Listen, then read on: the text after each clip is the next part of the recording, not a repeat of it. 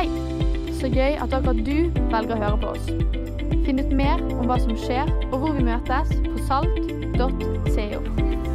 Så eh, Herre her er altså da noen uker gjennomgang av det som vi håper skal være eh, årstemaet vårt i kirken vår. Dette er den eldste kristne trosbekjennelsen. og Det er jo bare noen få ord, men de har en enorm betydning. Man velger at eh, Jesus skal være herre på alle livets eh, områder. Alle hedenske kulturer har mange guder.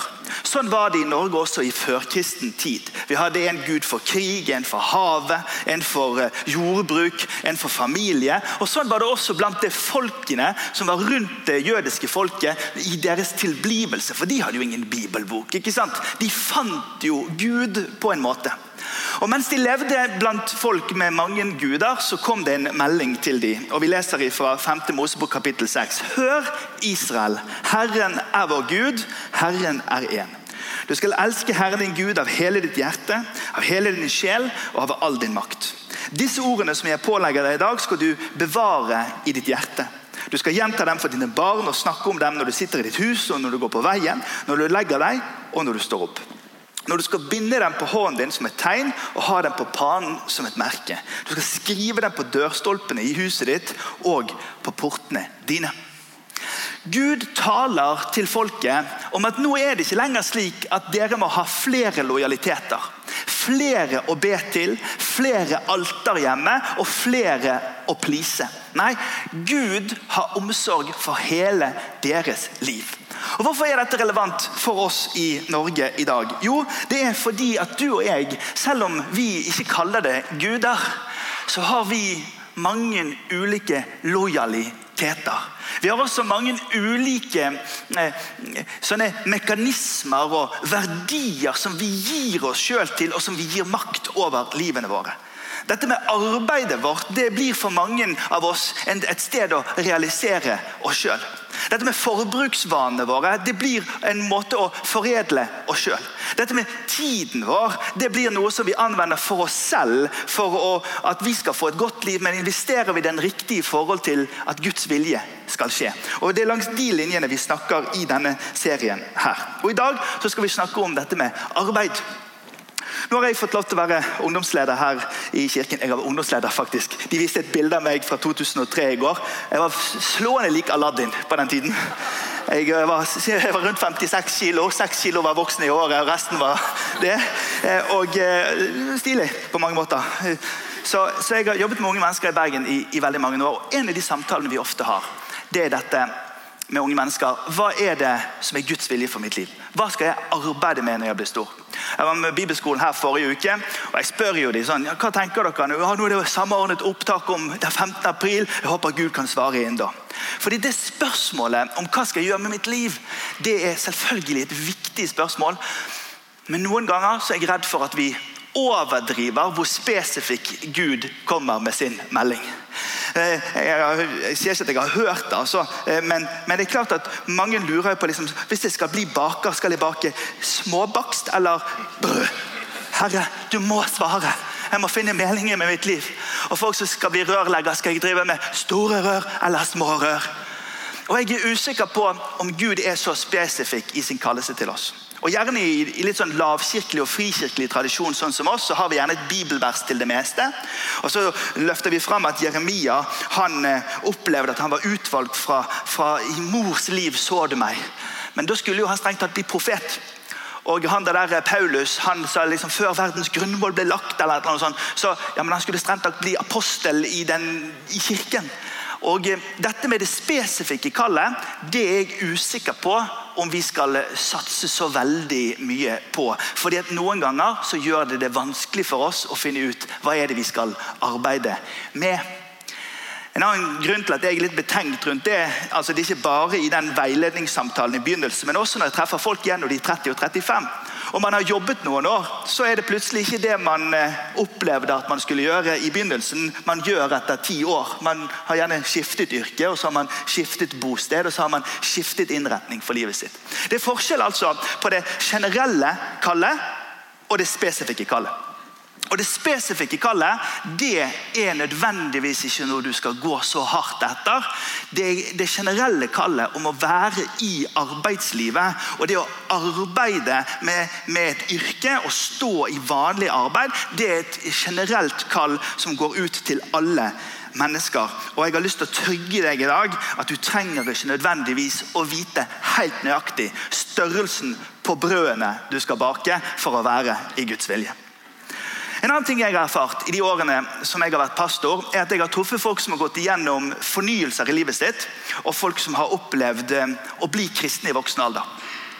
Og Når det skjer, så kan hva som helst skje. Og Jeg, jeg synes Det er helt fantastisk når, når, folk blir kristne og får en skikkelig sånn omveltning i livet sitt. Og jeg heier et godt stykke på vei men så er det faktisk en pastor sin oppgave å være med å gi noe veiledning til hvor store omkalfatringer dette skal forårsake i menneskers liv.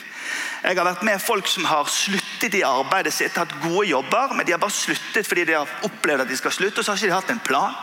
En gang var det en dame som ble kristen. og Hun endte opp med å, å, å si opp jobben sin, for nå kjente hun at hun skulle jobbe i kirken. og Ingen av oss hadde tilbudt henne en jobb. Hun endte opp med å flytte fra stedet hun bodde og måtte flytte til et annet sted. En han opplever at han skulle si unnskyld for alt han gjort galt hver eneste dag i hele sitt liv på alle arbeidsplassene han hadde hatt før. Så han begynte en endeløs vandring rundt omkring til tidligere arbeidsgivere. Og vet du, I sånne situasjoner så blir jeg en sånn pastor som jeg må prøve å bremse litt. Hei, ja, Det er kjempebra at Jesus kaller deg. Det er veldig bra at du opplever at Gud sier disse tingene til deg, men nå må vi, nå må vi rå oss litt ned her. fordi at eh, det er ikke meningen at det å bli en kristen skal skape ustabilitet i ditt liv og for de menneskene rundt deg. Det er ikke sånn at det å bli en kristen gjør at du plutselig skal slippe alle dine forpliktelser og skape støy og vanskeligheter for de som er rundt deg. Det å være en kristen, det at evangeliet kommer til oss, det handler om at evangeliet kommer inn i den livssituasjonen vi befinner oss i, og gir den livssituasjonen en ny mening. Paulus han eh, var jo veileder for mange kirker. og En av de menighetene han hadde mye jobb i, det var en menighet i en by som heter Korint.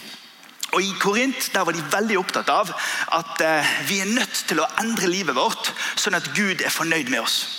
Og De hadde masse sånne ulike ideer, og han måtte på besøk til dem. Si, Ro dere ned, da! Halla igjen! Dere må ikke skille dere fra de dere er gift med, fordi de ikke har lyst til å være med dere på søndagsgudstjeneste. Dere må liksom ikke forandre på kroppen deres. Dere må ikke liksom late som dere er en annen enn den dere er. Ro dere kraftig ned, sier han. At evangeliet kom til dere, skal ikke skape ustabilitet. At evangeliet kom til dere, det skal gi mening til det stedet dere er på. Vi leser sammen fra 1. Korinterbrev kapittel 7, og så kan du sjekke hjemme om det er det som står der. Derfor skal enhver leve sitt liv der Herren har satt ham. Der han var da Gud kalte ham. Dette gir pålegg om i alle menighetene. Om noen blir kalt som omskåret, altså jøde, så skal han ikke prøve å forandre det. Om noen blir kalt som uomskåret, skal han ikke la seg omskjære. Bra tips. For det som betyr noe, er ikke å la være omskåret eller uomskåret, men å holde Guds bud. Og så gjentar han enhver skal forbli der han var da han ble kalt. Ble du kalt som slave, la det ikke bekymre deg. Men kan du bli fri, ja, så velg heller det. For den som var slave da Herren kalte ham, er Herrens frigitte, og den som var fri da han ble kalt, er Kristi slave. Skal komme tilbake til det der. Dere er kjøpt, prisen er betalt, så bli ikke slaver av mennesker bli ikke slaver av mennesker. Mine søsken, enhver skal forbli der han var da han ble kalt, men vær der for Gud. Det som jeg ønsker å gjøre i løpet av de neste minuttene, dere, det er å trygge meg og deg, som sitter med spørsmålet hva er Guds vilje for mitt liv. Er det dette yrket, er det denne utdannelsen jeg skal ta? Jeg ønsker å trygge deg rundt at det kan du være helt sikker på at du kan bare fortsette med. For Det viktigste er ikke om du er sykepleier eller ingeniør. Det viktigste er hvilken type sykepleier eller ingeniør er det du er. For det som skjer det er at Gud han kommer til deg der hvor du er, og så gir han en ny betydning og en ny mening og en ny frihet til deg akkurat der hvor du er. Og Det ønsker jeg å gi deg trygghet med i løpet av de neste minuttene. Og Derfor satser jeg på at når vi skal om noen få minutter fortsette å synge litt her. Så skal vi åpne opp bønnesenteret her borte til høyre. Og så skal du få lov til å gå dit, du, som reelt sett lurer på ja, men hva er Herrens vilje med mitt liv.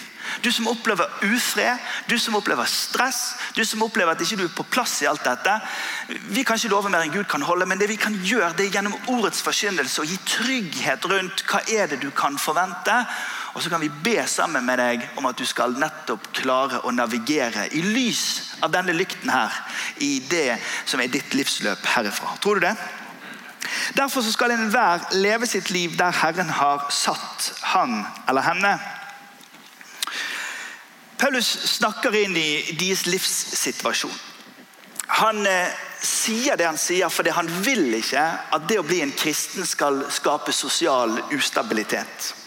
Han vil ikke at de skal eh, ha identitetsmarkørene av sin etnisitet, sin tidligere religionstilhørighet sin, sin, sin sosioøkonomiske status eller sin mastergrad eller sitt fagbrev. Det var ikke de tingene som skulle lenger være identitetsmarkøren. Nei, nå er dere alle sammen blitt med på det store og fantastiske som Jesus har gjort. Det Jesus har gjort for deg, er nå identitetsmarkør nummer én.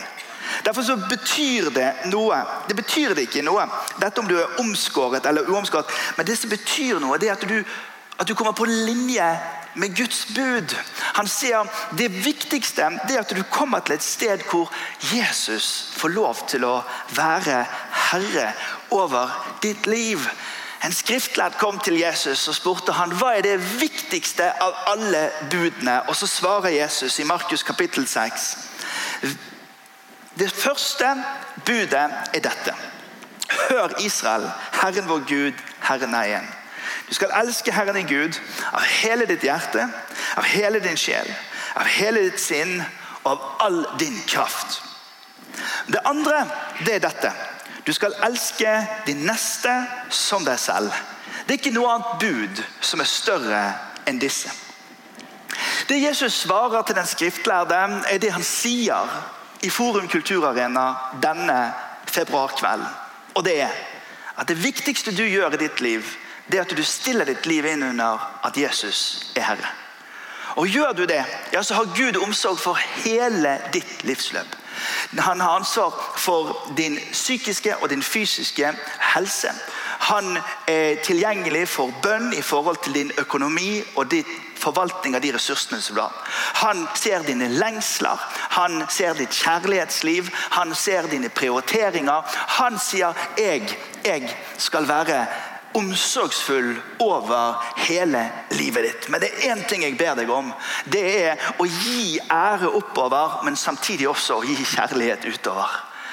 Så tillegget fra det vi leste i 5. Mosebok kapittel 6, til det vi leser her i Markus kapittel 6, det er at Jesus legger inn nesten og nestekjærligheten i dette. Og Martin Luther han gir oss gode og viktige innspill i forhold til hvordan vi kan forstå Guds vilje. Og Martin sier det på denne måten. Vi finner Guds vilje nært til hjemmet ved å elske Gud og ved å elske vår neste. I dette begrepet 'nesten' så ligger hele rasjonalet for Luther sin tanke om det som er kallet til sekulært arbeid. Og det er bare å beklage. Jeg står i en pinsekarismatisk eh, vekkelsestradisjon. Og I den tradisjonen som vi står i, så er vi tradisjonelt sett mest opptatt av å få flest mulig folk tent for Jesus, og sånn at vi kan vente på at en dag så skal vi få lov til å ha et stort party i himmelen og være med Jesus i evighet. Men du vet, de gamle kirkene, og Martin, da, som er liksom grunnlegger av eh, lutherdommen, eh, de har en litt bedre utviklet teologi og lære om det vi kaller for arbeidets teologi. Altså det faktum at Gud anvender arbeidet vårt for å vise omsorg for menneskene i verden. Og Martina sier det på denne måten. Tjener vi behovene til vårt neste, være seg i hjemmet med barn eller ektemake, i en forretning eller i en åker, i et klasserom eller i en rettssal, så kan vi gjøre Guds vilje alle sammen. Ved enkelt å gjøre det som er rett, og være trofast i kjærlighet.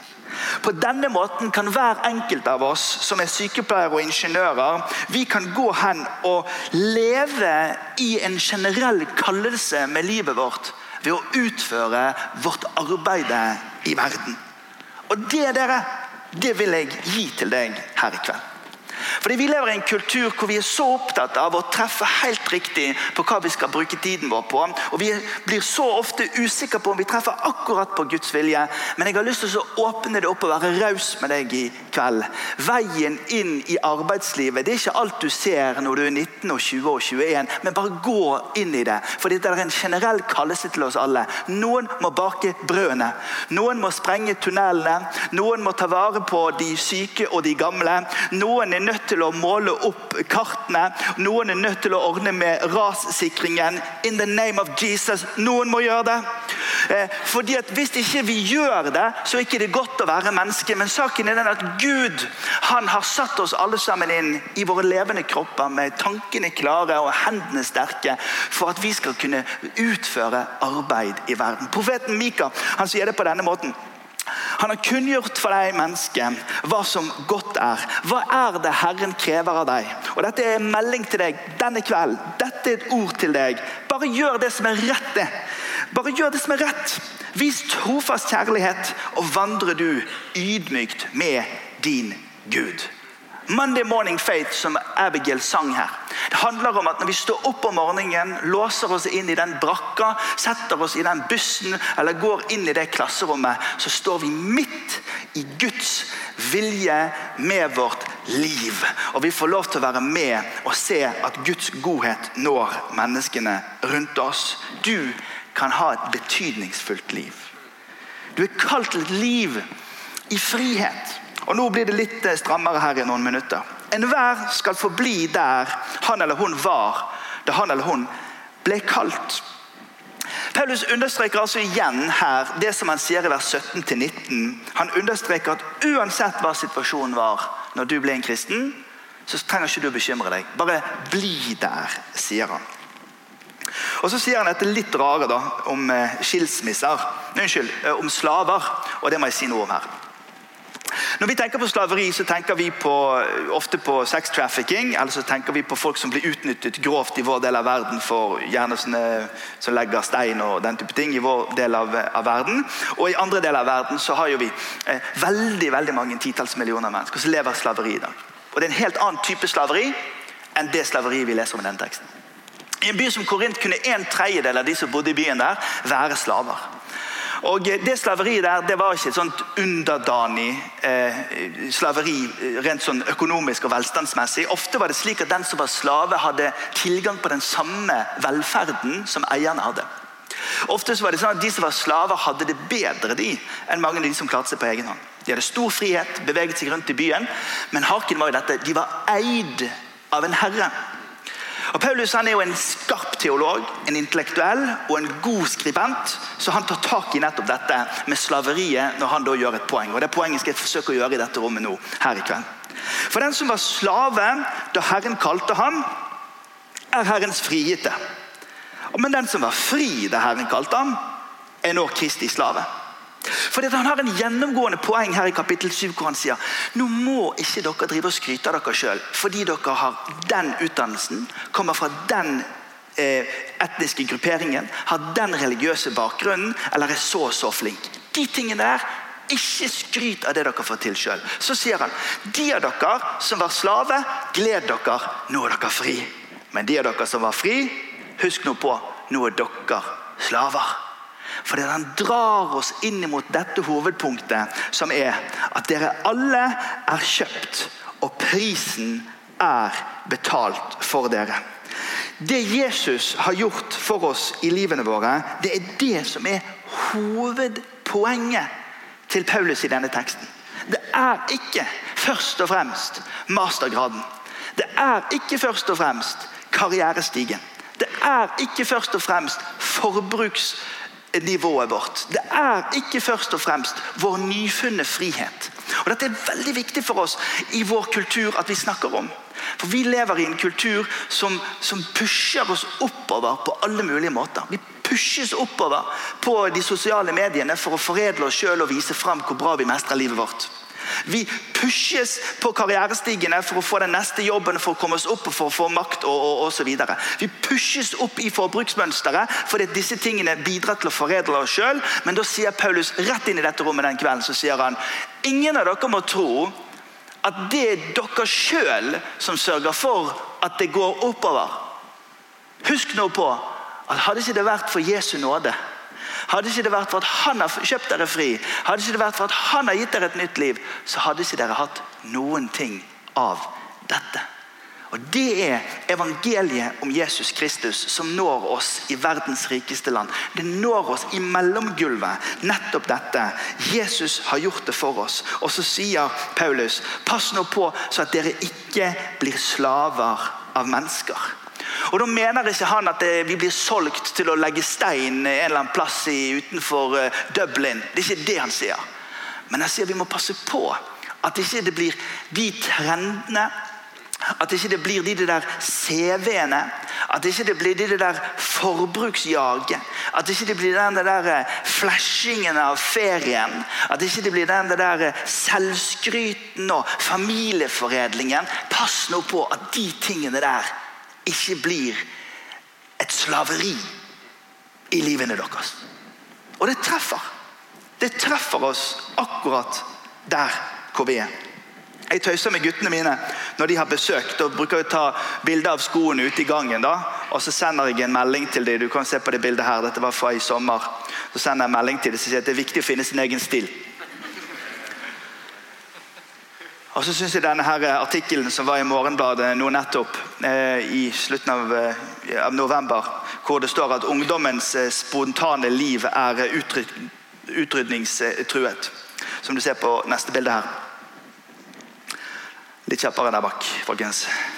Eh, ungdommenes spontane liv er utrydningstruet. Eh, fordi at vi står og stirrer ned i skjermen, og så blir vi med på et sånt samlebånd rundt omkring. Og Dette må vi snakke om. Og Det kan virke litt komplisert når vi tar det opp i kirke, men jeg vil at det vi leser i bibelteksten, skal treffe vår samtid. La ikke dere bli slaver av noen mennesker. Hva er det Paulus forsøker å si til oss? I 1988 så skrev det en, polsk, en tysk sosiolog som heter Ulrich Beck. Han skrev en bok som heter 'Risikosamfunnet'. Når jeg begynte denne serien her i begynnelsen av januar, så sa jeg at den verdien som er viktigst for nordmenn, er uavhengighet. Og Det er viktig for oss i Norden, og det er mulig for oss i Norden fordi vi er en velferdsstat. Det er veldig mulig i de nordiske landene fordi vi har sosialdemokratier med sterk stat og Det gjør at vi får eh, mennesker som i stor grad tenker at eh, da er vi helt fri. Men Ulrich Beck gjør et poeng i den boken som han skriver i 88, som er blitt revidert et par ganger senere. Han, han gjør et poeng ut av at eh, vi, vi hevder at egen frihet er det vi får, men det som skjer når vi ser rundt oss, er at det oppstår en ny type avhengighet rundt oss. Fordi at Skal du være fri, så må arbeidsmarkedet fungere. Skal du være fri, så må, må helsevesenet fungere. Skal du være fri, så må det være nok eh, utdannelse for at du skal kunne bli fri. Eh, skal du være fri, så må det være nok barnehagedekning og så må det være nok eh, trygdeordninger hvis det skulle gå gale for deg. Så hver enkelt av oss er fri, men det skapes på nytt en ny avhengighet i systemet rundt oss. Og Da sier Beck dette. Han sier det som kommer til å skje i framtida, er at vi blir avhengig av industriene som leverer til oss. Og så blir vi avhengig av trendene som til slutt også kontrollerer oss. Og det er en ting vi har smakt på med algoritmene de siste ti årene, så er det det at du og jeg så lett blir slave for det som plutselig bare skjer på den skjermen foran oss, eller i trendene eller i kulturen som er rundt oss. Og Paulus sier rett inn i dette bygget i kveld pass nå på at dere ikke blir slaver for andre. Og Derfor er det så relevant å sette det lokasjonssymbolet rett over arbeidsplassen din. Rett over studiet ditt. Rett over det å være en som går på arbeid og så stiller dette spørsmålet Vil du la Jesus være herre der? Fordi at Der på jobben din der er det så fort at sjefens eh, kultur og press og overtid Det er så lett at eh, CV-byggingen, så lett at skiven om posisjonene, så lett at higenen etter en høyere lønn, så lett at konkurransen med den som sitter på pulten ved siden av, eller sjalusien på den som går foran, tar over. Jeg har lyst til å si til oss alle sammen her i dag velg et liv i frihet. Og Frihet det handler om at du lar Jesus også få lov til å være herre der. Og Så tar du den CV-en og så river du den i stykker og hiver den ned fra tronen. For dette i jobben min så er ikke det CV-en som er sjefen, det er Jesus som er herre. På min arbeidsplass så er ikke det høyere lønn som er sjefen, det er Jesus som er herre. På min arbeidsplass så er ikke det det å være i konkurranse med Olsen som er sjefen her, men det er at Jesus er herre. Vi er kalt til å leve fritt. Mine søsken, enhver skal forbli der han var da han ble kalt. Men vær der for Gud, sier han. Dette poenget står i vers 17, det står i vers 20, og han gjentar det her. Og han sier det generelle kallet til alle mennesker, det er at Gud kommer til oss der hvor vi er. Og Det er ikke slik at han ber oss om å forlate det stedet vi er på. Nei, han kommer til det stedet vi er på, og gir det stedet en ny mening. Tenk når han fyller en sykepleier med mening og evangelium. Tenk hva som kan skje inne på den morgenrunden da, på eldresenteret. Når man går der med meningen av at 'jeg er her fordi at Jesus er Herre'. Tenk bare hvordan det blir på bakeriet mellom klokken tre og klokken syv den morgenen når brødene skal bakes. Jeg bare velsigner alle de menneskene som skal spise disse her skivene i løpet av denne dagen. Altså, tenk om Det blir jo bare sånn Supermann-brød rett i brøstet. ikke sant? Helt fantastisk. Bare tenk hvilken mening det er å få lov til å gi sitt liv, til å gå til sitt arbeid og være der for Herren. Kallet han ble kalt til, innebærer en dobbel betydning av ordet kall. Kallet man skal bli i, må bety det man gjorde som yrke på det tidspunktet av omvendelse. Hva enn det var, så gir Paulus verdi til sykepleier, ingeniør og lærer. Og så sier han at det å ha en sånn jobb, det er et kall. Det andre kallet det er passivt. Det refererer beviselig til kallet til evangeliet om Jesus Kristus. Det som gjør en til en kristen. Det første kallet skal ikke bli oversett eller nødvendigvis forandret av det andre. Og På denne måten så fyller vår Gud en hel verden med lys og sitt rike. En kommentator sier det slik En blir ikke kalt til et nytt yrke, men, en, men ens gamle yrke får en helt ny betydning. Og jeg sier Tenk hvis vi kunne være slike kristne. Som går til vårt arbeide med en overbevisning og en tro av at vi har en Monday morning faith. Hvor vi ikke avslutter gudstjenestene sånn som vi dessverre noen ganger gjør. Vi ses neste søndag. Men vi ber for uken, for og med hverandre, om at bakeren og ingeniøren, læreren og sykepleieren skal kjenne i mitt arbeid er Jesus Herre. Med hele mitt hjerte, med hele mitt sinn med hele min sjel og med all min kraft. Gud og nesten. Derfor så spiller det ingen rolle hvilken type eh, eh, Om du er sykepleier eller om du er ingeniør. Det som spiller noen rolle, det er hvilken type sykepleier eller ingeniør du og jeg faktisk er. Jeg ber for oss om at vi skal være sånne som gleder oss over arbeidet. Jeg ber for oss om at vi skal være sånne som er trygge på at selv om vi kan av og til mistrives og kjenne at det ikke er helt sånn som det skal være, så, så har vi ro og stødig nok i oss, i oss til at vi holder fast i trofasthet og viser kjærlighet. Det har vært min og Gina sin erfaring nå gjennom ja, Vi har vært i arbeidslivet nå i 22 år. Det har vært vår erfaring at Til tider så er det ikke alltid klart. og Av og til så lurer vi på Men det å bare være stødig og gjøre rettferdighet og vise kjærlighet. Det er to veldig fine steder å stå og balansere sitt liv. For det Kommer du gjennom usikkerhetsperiodene, ja, så er det smulere farvann like etterpå. Og Den generasjonen som i dag er under 30 år, kanskje under 35 år i Norge, det er en generasjon som ja, jeg beklager å si det, men som har fått seg selv som utgangspunkt i de aller fleste livsvalg. Og Når man har seg selv og sin egen subjektive livsopplevelse, så overtenker mange. Og den tingen som jeg er så lei meg for for den generasjonen som vokser opp i dag, det er at vi blir fortalt at vi skal stole så enormt mye på, på vår egen overbevisning og innsikt. Og jeg, jeg beklager å si det, men, men det er altfor mye vekt å bære for mange av oss. Du vet ikke så mye som folk forteller deg at du skal vite. Du har ikke så mye peil som folk sier at du skal ha. Det er altfor mange valg som dyttes ned i alder. og Søren Kirkegaard, den danske teologen og filosofen, sier der hvor det er mange valg, der er det mye angst. Og det, det som preger den generasjonen som i dag er under 30, det er at det er så sykt med valg. Men det fins en vei til frihet. Og det er friheten av å gå inn og si ja, men Jesus Sykepleier, ingeniør, baker eller lærer. Herre, jeg vet ikke helt, men jeg velger at du skal være herre på min arbeidsplass. Jeg gir livskraften min, jeg gir dagene mine til deg, og så sier jeg, Herre, ta mitt liv, bruk det. Og vet du, Det er det tryggeste stedet å stå på. For da har han sagt, jeg kommer til det stedet du er, med en mening som er over ditt yrke. Jeg gir mening. Jesus Kristus, oppstanden, med kraft og liv og veiledning inn i din livssituasjon. Det er et liv i frihet. Det, venner, det er å ha Jesus som Herre. Dette budskapet kan forandre verden. På samme måte som det forandret verden i den tidlige kristne kirkes historie. Denne enkle bekjennelsen. ja, men Jesus er herre over min arbeidsplass. Jesus er herre over min tid. Jesus er herre over mine penger. Jesus er herre over mitt, min, min familie.